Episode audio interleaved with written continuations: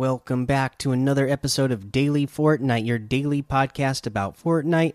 I'm your host, Mikey, aka Mike Daddy, aka Magnificent Mikey. So today we had the Teen Titans Cup going on, or it is going on, depending on what time you're listening to this and what region you're in. Uh, but yeah, Teen Titans Cup. Hopefully, you got a chance to play, or you're gonna play. That way, you can uh, get a chance to earn that uh, Beast Boy outfit early and for free. Uh, let's see here. Uh, the other piece of news I wanted to get to today was the creative update that we just got. So let's go over the news from that or the uh, blog post from that. Fortnite Creative version 16.40 update. Race Manager device arrives in Fortnite Creative.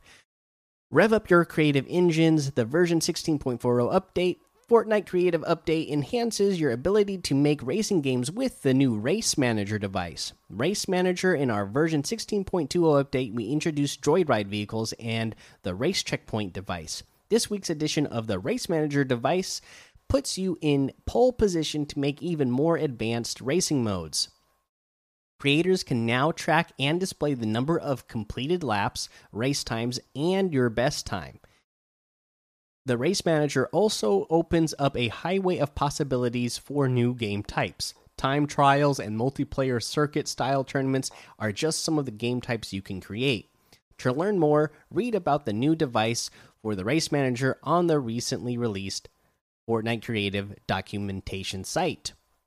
New summer feature features and vehicles. So all summer all new summer themed content is coming your way. Creators jump into the game and check out the fully playable boats, fishing zone, and an all new item, the surfboard. Create boat races, a fishing competition, or hang 10 as you create a surfboard trick course. Get that beach party started early as we head into the summer months. If you're planning on creating with new content with the new content, be sure to check out our summer creator call out for a chance to be featured in our to be announced summer event. Uh, they have some gameplay, or they have a gameplay fix, which is fix an issue where players were not able to rapidly edit with a blueprint out. Uh, they have island fixes, UI fixes, prefab gallery fixes, device and item fixes. But uh, so the main thing here was that they added uh, new vehicles in here and the race manager, so that you uh, can we can make even more cool uh, you know different game modes uh, with vehicles. You know i'm thinking like uh, you know because i got a ps5 and one of the uh, P playstation plus games one of the months was like the all-star destruction or something like that it's called but I, I think it'd be cool. You can make a game mode like that where you know everybody starts out in a car. Uh, you got to destroy the other players' cars, and then when the players are out of the car, you know that's when you got to eliminate them, type of thing, and that's how you get points. I don't know. Uh, I'm sure a lot of people are going to come up with some really cool things. Uh, so I'll be excited to see uh, Fortnite just keep adding to the creative mode and all the cool things that the community comes up with. Uh, let's see here. Uh, that is all I have for you for news today. So let's go ahead and look at what we have for LTMs. Uh, we have the Throwdown Squads. Team Rumble still here. Uh, we have Spy Tycoon, F Pro FFA Arena, Pro 2, MiG 8v8, uh, Zone Wars, oh, 3 2 Zone Wars box fight, and um, Battle Lab, of course, still here. So there's your LTMs. Let's go ahead and talk about a challenge tip. And this one is, uh, next one is pretty easy, right? So the we'll combine these two together. So you need to use a launcher from Guardian Towers and open chests at the Spire or Guardian Towers. And well, there's Guardian Towers. There's six of them, right? You know where they all are at the end of each little uh primal zone at the ends. So you're going to go there, and you can go to one. Uh, the one I found was pretty easy to go to. It was the one by Pleasant Park because because of the the way that the uh, the landscape is there.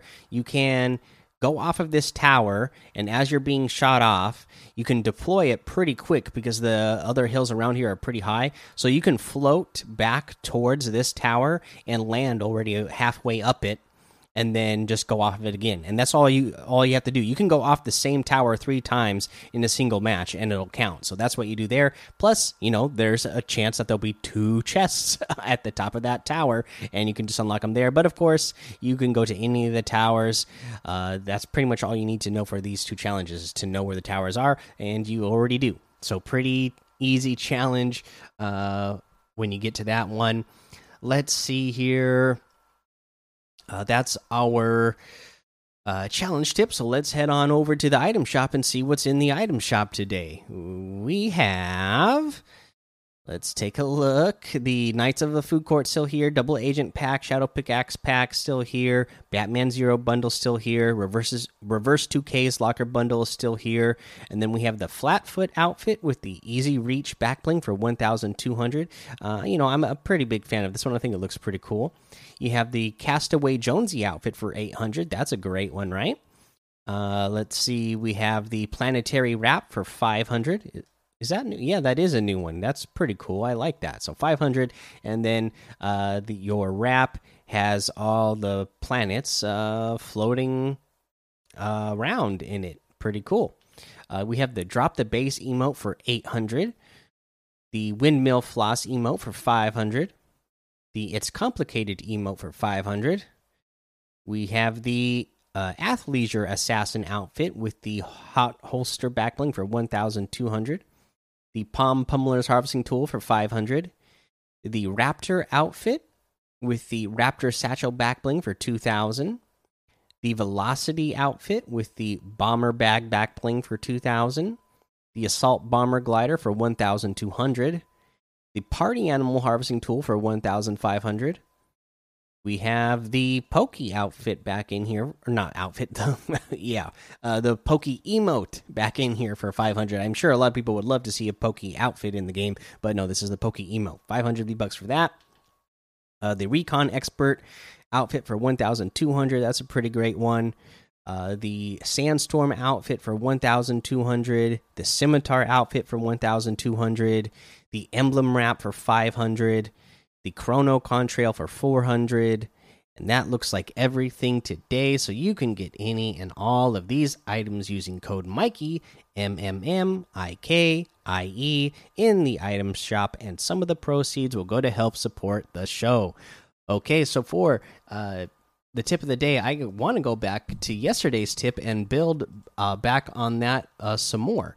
Uh, because I was watching a SypherPK video today, and uh, you know I mentioned it in yesterday's podcast that you know if you're going to uh, Flush Factory and that area the map now, now that they added Aurelia with the guaranteed gold uh scar there i mean it's great because you can get to flush factory grab a guaranteed gold pump from bandolette there go down here um eliminate anybody who's there and, and grab that gold scar. So you're going to get a guaranteed uh purple pump and gold star to start the game. Those weapons are always guaranteed in those spots because the gold scar is there that you just grab and the gold and the purple pump is just there to uh, buy from bandolette so this is a great place to go in, in pubs because you're going to have the goal to buy things, and then you know, uh, building on top of that, what he mentioned was because then you're also close to Slurpy Swamp, so you go buy that um,